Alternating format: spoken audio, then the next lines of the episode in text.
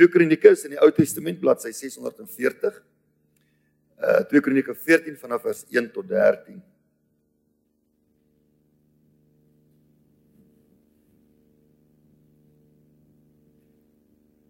En Abia het ontslaap met sy vaders en is begrawe in die stad van Dawid en sy seun Asa het in sy plek koning geword. En sy daardie land 10 jaar gerus. Dan wonderlik is 'n land kan rus hê, nê. En Asa het gedoen wat goed en reg was in die oë van die Here, sy God. Hy het die vreemde altare en die hoogtes verwyder en die klippilare stikkend gebreek en die heilige boomstamme omgekap. En aan Juda gesê om die Here die God van hulle vaders te soek en om die wet en die gebod te doen. Ook het hy uit al die stede van Juda die hoogtes en die sonpilare verwyder en die koninkryk het gerus onder hom wanneer afgode en afgodsaanbidding verwyder word kom daar vrede en rus in 'n land. Daarom moet 'n mens bid dat die koning van 'n land gered sal wees. Verder het hy versterkte stede gebou in Juda want die land was rustig. Daar was geen oorlog teen hom in daardie jare nie omdat die Here hom rus verskaf het. Almal het die Here se wil gesoek, almal was gehoorsaam aan God en daarom het God hulle rus gegee. Daarom het hy aan Juda gesê: "Laat ons hierdie stede opbou en met 'n muur omring en met torings, poorte en grendels terwyl die land nog vry vir ons lê, want ons het die Here ons God gesoek. Ons het gesoek en hy het ons rus verskaf rondom." Hulle het toe gebou en was voorspoedig. En Asa het 'n leer gehad wat skild en spies dra. Uit Juda 300 000 man en uit Benjamin wat die skild dra en die boog span 280 000. Hulle was almal dapper helde. En Serag die Kesiet het teen hulle uitgetrek met 'n leer van 'n miljoen met 300 strydwaans en hy het gekom tyd tot by Maresa. Toe trek Asa uit om te gemoed en hulle die slagorde opgestel en in die dal se Fata by Maresa. Let op vers 11. En Asa het die Here sy God aangeroep en gesê: Here, niemand kan help soos U tussen die magtige en die kragtelose nie. Help ons, Here ons God, want op U steun ons en in u naam het ons teen hierdie menigte gekom. Here, u is ons God. Laat geen sterfling naas u magtig wees. Met ander woorde, Here, betoon die almag teenoor hulle mag. En die Here het die Kesiete voor Asa en Juda verslaan en die Kesiete het gevlug. En Asa en die manskappe wat by hom was, het hulle agtervolg tot by Gerar. En van die Kesiete het soveel geval dat daar vir hulle geen herstel moontlik was nie. Want hulle was gebreek voor die aangesig van die Here en voor sy leer. En hulle het 'n baie groot buit geneem. Net tot daar en dan net een skrifgie bietjie verder aan. Spreuke 18 vers 10. Spreuke 18 vers 10. Die naam van die Here is 'n sterk toring Die regverdige hardloop daarin en word beskud. Die naam van die Here is 'n sterk toring. Die regverdige hardloop daarin en word beskud. Nou ek gaan vir julle 'n paar torings vanmôre uitwys en bietjie daaroor praat. Die titel van vanmôre se boodskap is jou toring in tyd van benoudheid. In die ou Israel en die ou Bybelse tyd was daar drie soorte torings gewees. Daardie eerste toring wat jy daar sien is 'n herderstoring. Daardie toring was gebou gewees in die boer se skaapkraal en saans het die skaapherder daar geslaap in daardie toring. Jy kan sien daar's 'n venstertjie bo by daardie toring. Hy kon binne die toring slaap en daar uitkyk of hy kon bo op die toring slaap. Jy sal sien nou al by daai toring is 'n is 'n klein deur. Wanneer dit baie koud is en daar is nie te veel skape nie, dan kan die skape sommer toegemaak ook word binne in daardie toring en so word hulle beskerm teen sneeu. Dit sneeu mos ook in Israel. Jong lammetjies, skape lam juis in die wintertyd. En ehm um, dan kan hulle nie doodgaan. Hulle is beskerm, hulle is veilig daar binne. Die uh, wagter, herder, die herder het daar bo op die toring het hy sy slingervel gehad met klippe. En dit is nie soos daai liedjie sing toe tel Dawid vyf klippies op. Eh, 'n uh, Jood gooi nie met 'n klippie nie. Hy gooi met 'n klip wat so groot is as 'n cricketbal. Nie 'n golfbal nie, 'n cricketbal. 'n Cricketbal is baie so groot as my face. Dis so groot 'n klip is waarmee hulle 'n slingervel gooi. As daardie herder, hy beskerm die skape teen die jakkalse en die leeu's en die goed, die ongedierte daar wil inkom. As hy sien daar kom, daar's iets by die poort van die muur wat wil inkom daar by die hek. Dan gooi hy as hy daai jakkals tref teen sy kop, hy gooi vir hom mors dood. Daar's nog nie eens 'n laaste chunk nie. En daai jakkals hy's gone. Of 'n leeu. Ek meen as Dawid die Goliat die sokol gooi dat die klip in sy kop indring, dan kan jy dink met wat se spoed. Ek het eendag 'n studie gemaak daarvan, ek nou vergeet. Maar geweldige spoed. Ek weet dit is ver oor 100 km/h wat so 'n klip trek as so 'n skaapwagter 'n paar keer slinger bo sy kop. Nou die doel van die van die herderstoring, die skaapwagterstoring is beskerming. Is 'n toring wat beskerm. Ons het gelees Asa het ook torings gebou op hulle stadmuur vir beskerming. So die herderstoring is die eerste toring. Dit bestaan om die skape te beskerm. Die tweede toring Die tweede toring is 'n toring wat gebou word in 'n wingerd. Dis die wingerdtoring. Om die wingerde was daar gewoonlik ook 'n muurtjie gewees. Maar bedags is daar 'n bestuurder, 'n toesighouer van die wingerd. Dan staan hy op die wingerdtoring. Hy's gewoonlik in die middel van die wingerd en jy kan sien daar's 'n dakkie gemaak met gras. Dan staan hy in die koelte van die gras en hy hou dop die loop van die dag want daar kom ook jakkalse gediertes in die wingerd in.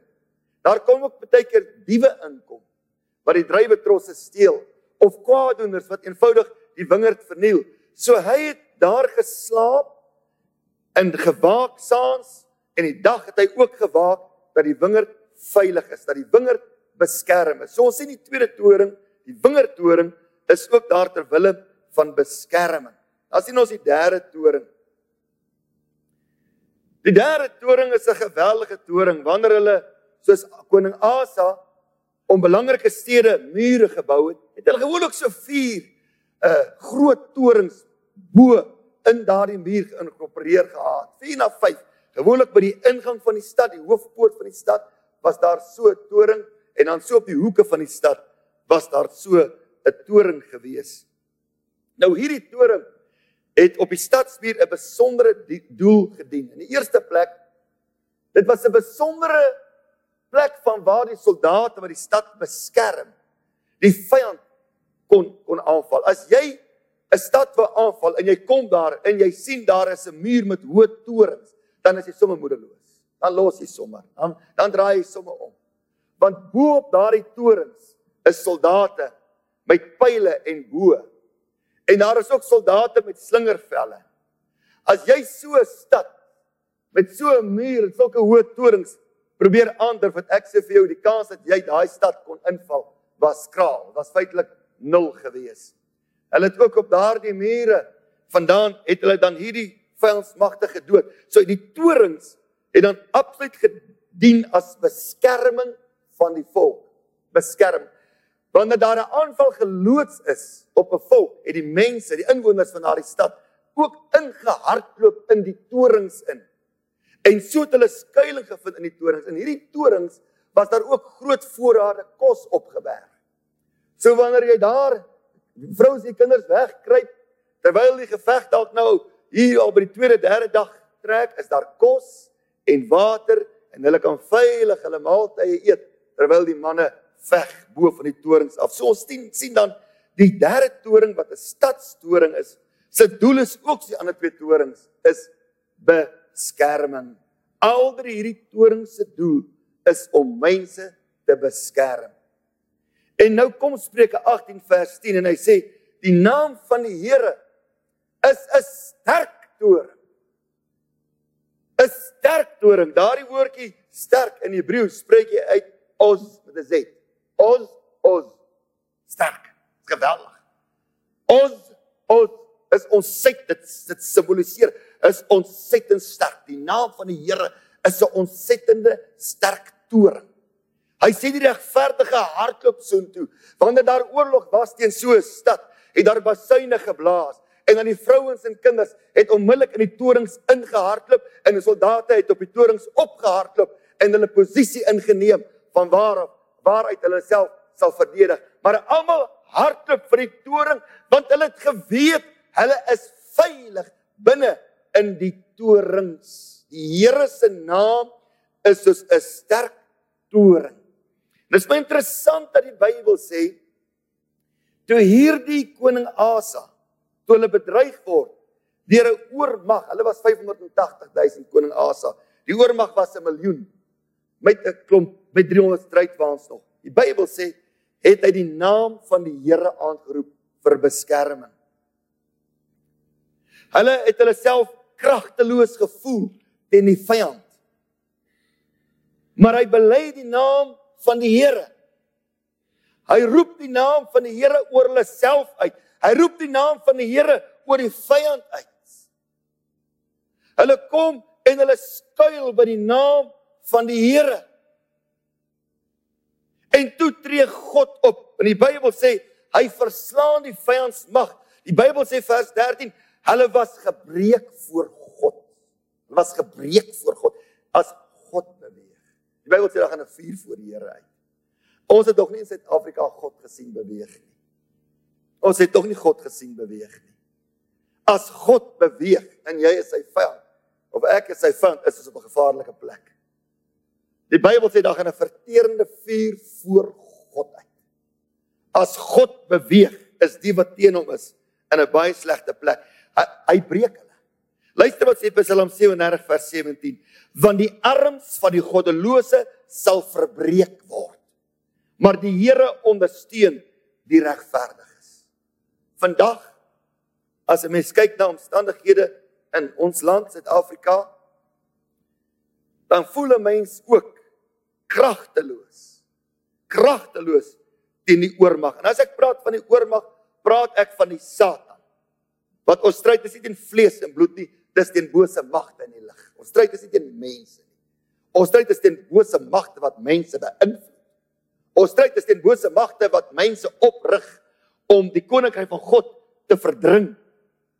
Om haat en geweld en moord aan te blaas. Hierdie goed wat gebeur het nie te doen met 'n kultuur of 'n mensie, dit het te doen met Satan. Satan se mag was oor al die jare, die eeue, geweldig sterk nog oor Afrika. Afrika is 'n donker kontinent. Geweldige witchcraft nog steeds in die hele Afrika, die hele Afrika. En hier in hierdie land met 'n mens geweldig hard stry teen die duistere magte in die lig. En al die eerste wêreld lande as jy daar kom, voel jy so vry. Jy kan dit nie glo nie want die geesrealm is meer oop, die atmosfeer is meer oop. Ek het gelees van groot manne van die Here predikers wat gesê het dat in Afrika, wanneer hulle hier gepreek het, het hulle die geesrealm die meeste teenkanting, die meeste demoniese opressie beleef as op enige ander plek waar hulle ooit bedien het. En dit is 'n stryd waarin Christene in Afrika vandag nog steeds vasgevang is. Dis 'n stryd nie teen mense nie, dis 'n stryd teen bose magte in die lig wat die hele kontinent wil vernietig. In Suid-Afrika is vir baie jare 'n ligpunt in Afrika.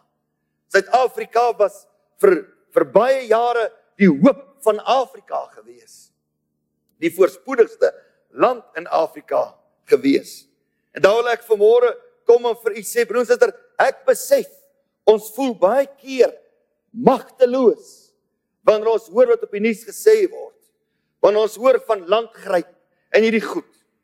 Ons ons voel kragteloos as 'n mens hoor van al die intimidasies wat gebeur. En mense raak al meer onrustig in ons land. Mense raak paniekerig en ek wil vir sê ons is almal want dit raak ons almal wat gebeur hierdie aanslag van Satan raak elke nasie en elke kultuur in hierdie land. Miskien met ons, maar het die kerksekretaresse hierdie gebed sit hom vir ons op 'n uh, A4 en en gee dit uit vir die mense vir ons gemeente volgende Sondag. laat hulle dit gaan sit op hulle yskaste en hierdie gebed kan bid wat Asa gebid het. Hoor hoe hy gebid. Hy die Here aangeroep en gesê: Here, niemand kan help soos U tussen die magtige en die kragtelose nie. Help ons, Here, ons God, want op U steun ons. En in U naam, in U naam het ons teen hierdie menigte gekom, Here. U is ons God. Laat geen sterfling naas U magtig wees nie. Met ander woorde, Here, hulle wat so roem in hulle mag, hulle wat God treiter. Maar 'n mens moet bid dat God hom sal openbaar. Daar was 'n man in die Bybel gewees wat ook 'n slegte man was. Hierdie man was sonder beheer van Satan gewees. Hy het oral waar hy gekom het, hy kerke opgebreek. Het hy mense in die tronke gegooi. Hy het Christene dood laat maak. Die eerste Christen martelaar se naam was Stefanus. Hierdie man het toegestaan en kyk. Hy het Stefanus se klere in sy arms vasgehou terwyl Stefanus doodgegooi is met klippe. Hierdie eerste man se naam was Paulus. Hy was God se vyand. Hy was die Christen se vyand. Maar op 'n dag het daar 'n lig op hom geval. Daar het 'n dag in sy lewe gekom wat 'n stem uit die hemel met hom gepraat het. Daardie dag het daar iets gebeur in sy lewe. Die Bybel sê hy was met blindheid geslaan. Hy kon vir 'n tyd lank nie sien nie. Hy moes blind word om God te kon sien. Hy moes blind word om die pad van die Here te kon gewaar, om God se roeping op sy lewe te kon sien. En die Here kom en vat hierdie man wat vyand van God is en vyand van kerk is. En die Here maak vir hom die magtigste apostel. Die grootste gedeeltes van die Nuwe Testament het Paulus geskryf. Broer en suster, as die Here dit kon doen vir Paulus, dan kan hy dit ook doen met die maghebbers van hierdie land. Dan kan hy ook kom en hulle mag, hulle autoriteit verbreek. As God homself kon openbaar aan 'n verskriklike mens soos Paulus, Paulus bely self, hy sê hy's die grootste sondaar van alle sondaars, want hy weet wat hy gedoen het. Hy weet wat hy gedoen het as die Here bemoeienis kon maak met die grootste sondaar van alle sondaars, dan kan die Here dit mos doen met hulle wat in beheer is van landsaake hierso by ons ook. Broer en suster, u mag skaakmat voel. God kan nie skaakmat gesit word nie. God kan nie skaakmat gesit word nie. Ek wil u vanmôre opnuut vertel van die groot God, van die almagtige God wat se naam vir ons 'n hoë toring is, maar ons sal soos Asa moet bid dat hy sy mag, sy almag manifesteer. Dat hy sy almag tentoonstel oor dit wat gebeur in ons land.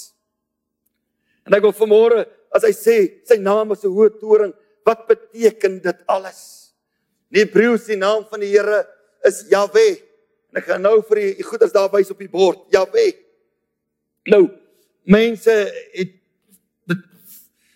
die naam so 'n bietjie gefabriseer. Mense spreek dit uit as Jehovah of Jehovah, maar is eintlik Jahwe. Die Jode het soveel respek vir God se naam en glo jy sy naam nie sommer net mag uitspreek nie. Hulle praat nie van Jahwe nie, hulle praat van Ja. Hulle sê nie is die naam voluit nie. Die ou Joodse priesters het soveel vrees vir God se naam gehad as hy sy naam wil skryf Ja of El. As hy dit wil skryf Ja, dan moet hy eers skoon klere, sy hande was, homself, sy gesig alles was, skoon klere aantrek 'n nuwe pen vat en dan skryf hy ja. En dan gaan hy verder. As hy nou nou weer God se naam wil skryf, moet hy klere gaan uittrek, weer gaan bad en skoon klere aantrek en 'n skoon pen kry. En dan skryf hy weer ja. Soveel respek. Ek wil vir u sê die 10 gebooie geld nog. Die 10 gebooie geld nog. En een van die gebooie is jy mag die naam van die Here God nie uitelik gebruik nie. God is in die hemel en ons op die aarde. Jahwe. Jahwe. Maar dan is daar kombinasies aan sy naam Jahwe wat vir hom wat vir ons vertel wie is God?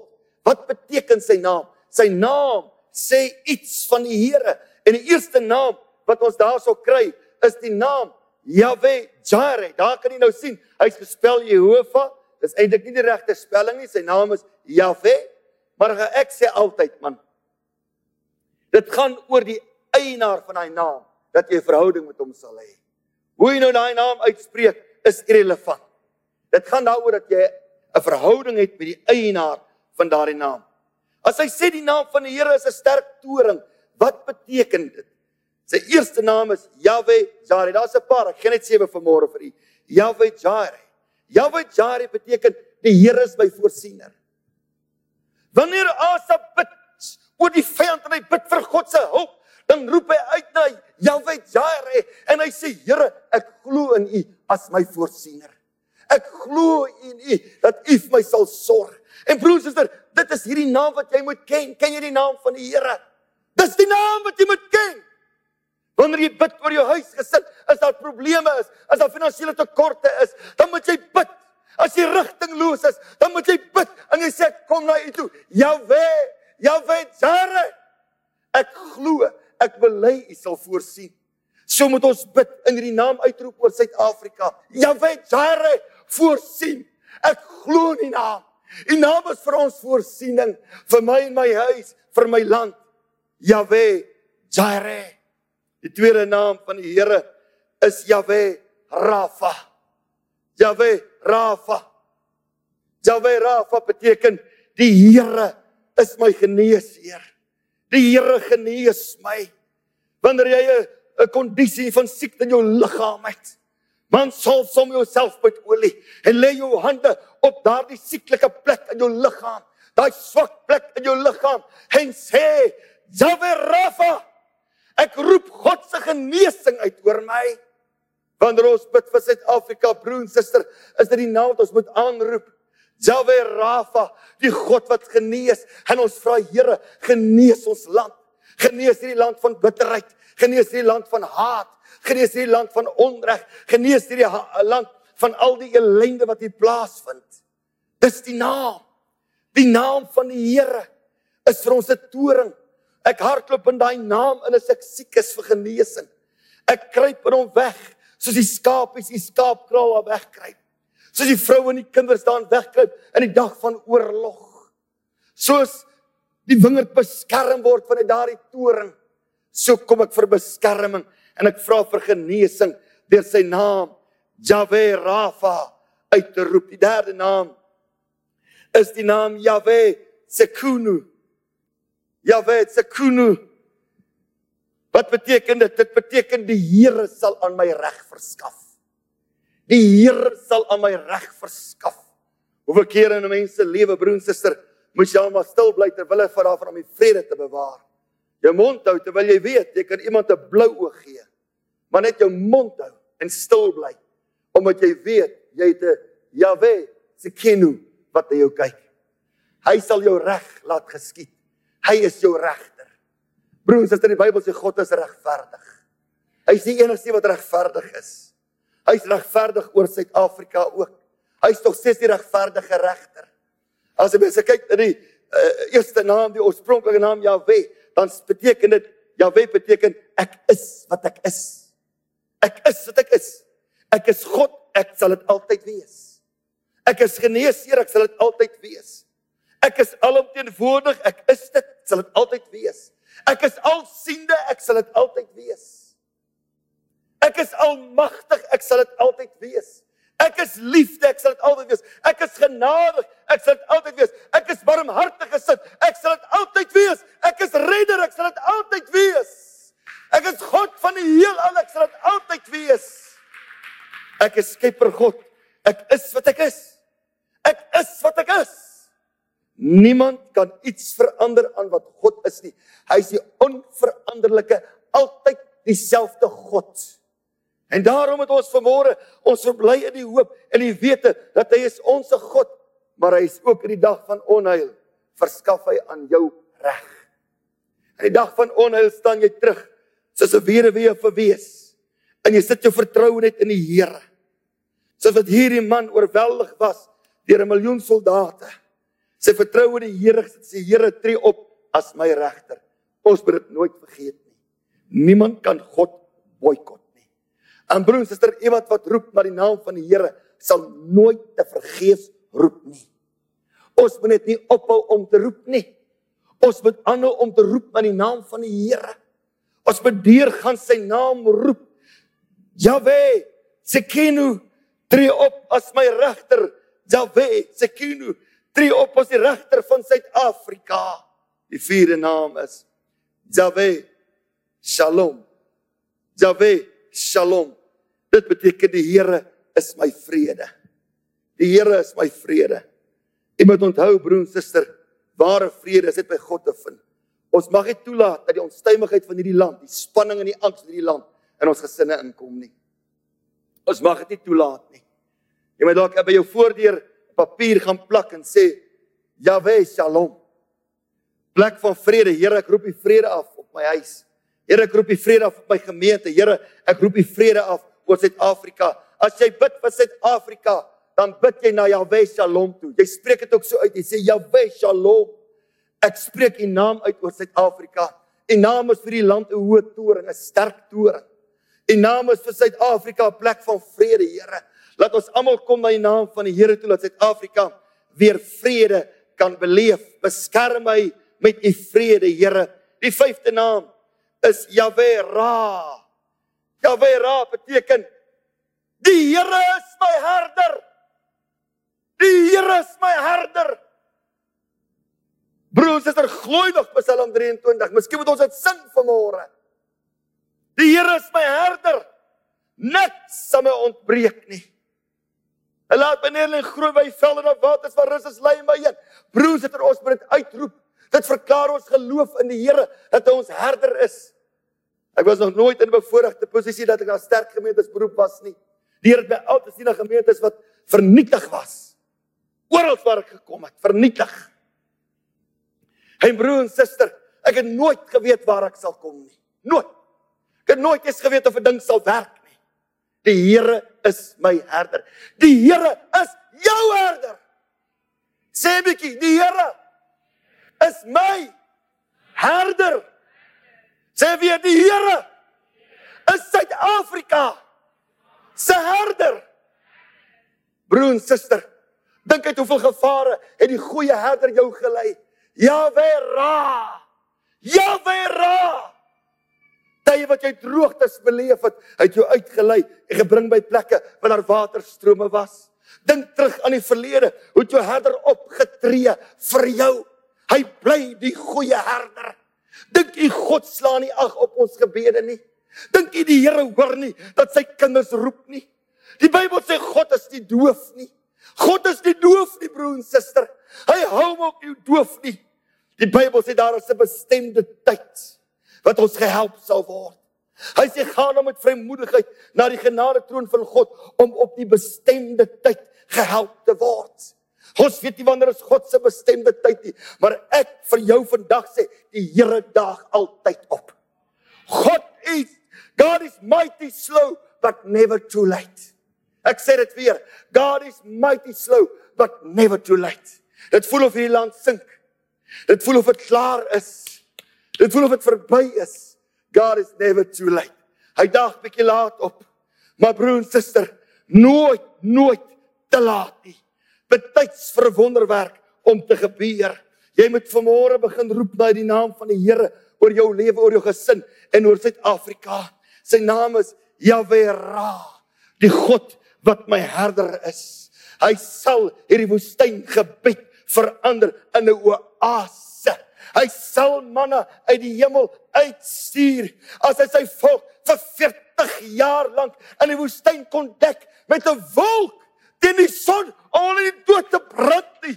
As hy vir 40 jaar in die koue woestyn in die nag 'n vuurkolom oor hulle kon laat brand. As hy vir 40 jaar gesorg het dat die skoene en klere in hulle liggame nie gesluit het nie. Dis die God wat ek en jy dien as ons herder. Dan kan hy dit vandag nog vir ons doen. Halleluja. Halleluja. Prys die Here. Ek roep die naam aan, Here, Yahweh Ra oor Suid-Afrika, oor ons kinders se toekoms, oor ons kleinkinders se toekoms. Mense is bekommerd. Mense immigreer wat klein kindertjies het. En ek verstaan as hulle hierdie goeters praat en ek het medelee. En ek het medelee met soveel ouers wat se kinders in oorseese lande gaan bly en hulle kleinkinders nie sien groot word nie. Maar ek wil vandag vir u sê as jy jong kinders het, dis waar jou geloof ter sprake is.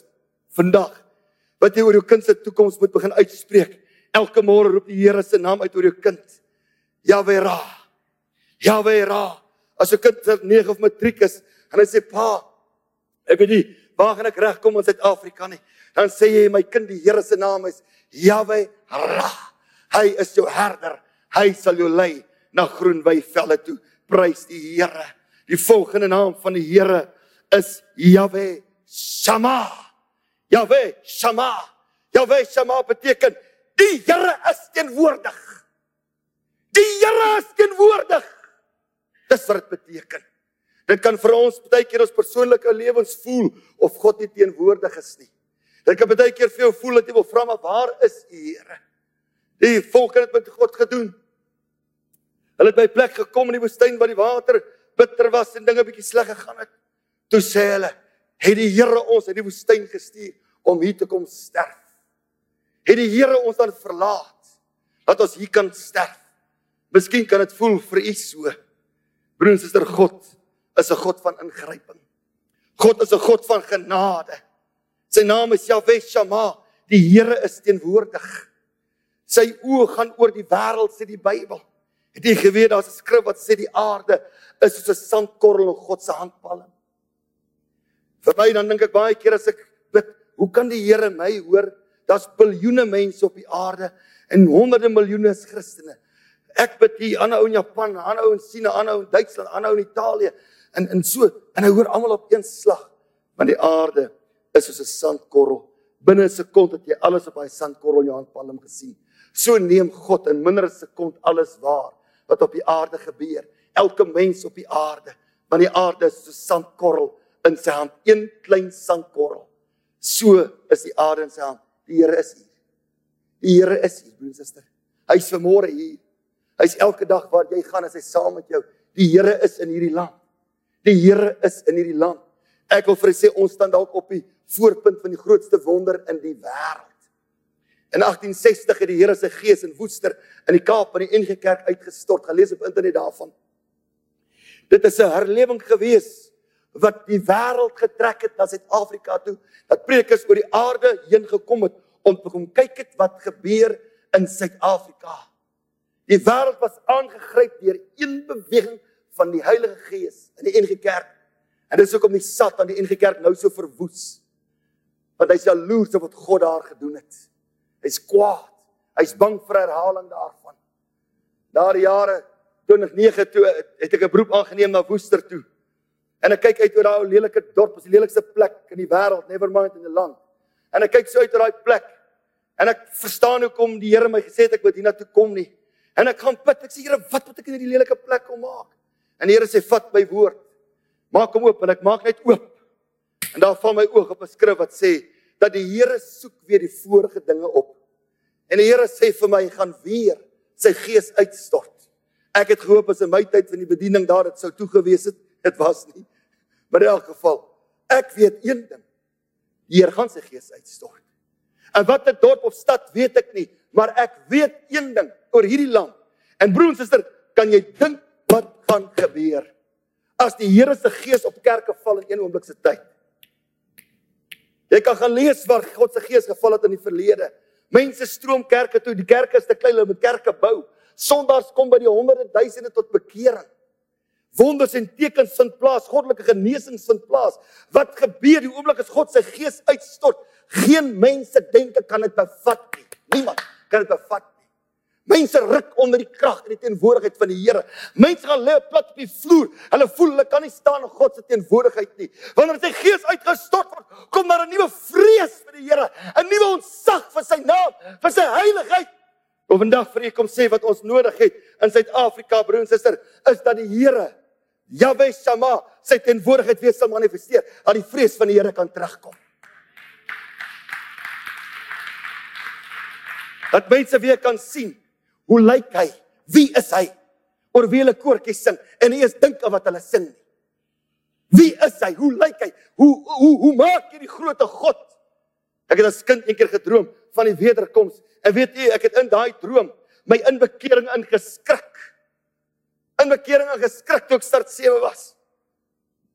Ek wil vandag vir u sê, ons moet weer die Here teenwoordig. Hy is Jahwe Shama, maar ons moet hom vra om sy teenwoordigheid te manifesteer, om sy teenwoordigheid te openbaar. Hy is teenwoordig, ons moet dit glo. Die sewende na laaste wat ek wil oor praat is Jahwe Nisi. Jahwe Nisi. En die woord naam Jahwe Nisi beteken die Here is my oorwinning. Die Here is my oorwinning. Broer en suster, as jy oorwinning nodig het oor 'n saak in jou lewe, hou op praat. Hou op beklei. Hou op in konflik ingaan. Roep die naam Jahwe Nisi uit. As jy voel jy's aan die verloor kant, as jy voel jy word ingedoen, los die praatjies. Sê Jahwe Nisi. Jahwe Nisi, is my oorwinning. Het jy oor jou besigheid oorwinning nodig? Het jy oor jou huwelik oorwinning nodig? Het jy oor jou finansies oorwinning nodig? Jahwe Nisi. Hy is my oorwinning. Hy is my oorwinning. God is my oorwinning. Geen mens in die Bybel sê God het nie behaag in die krag van die man se been nie. God het nie behaag in die krag van die perd nie. God het behaag in die man wat hom vrees. God het behaag in die regverdige wat sy naam ken. Jahwe Nisi. Die Here is my oorwinning. Halleluja. Ek sluit vanmôre af. En ek wil vandag vir u kom uitnooi en sê, my liewe broer en suster, hardloop. Hardloop nie na Donald Trump toe nie. Hardloop nie na iemand anders toe nie. Hardloop na die naam van die Here toe. Hardloop na die naam.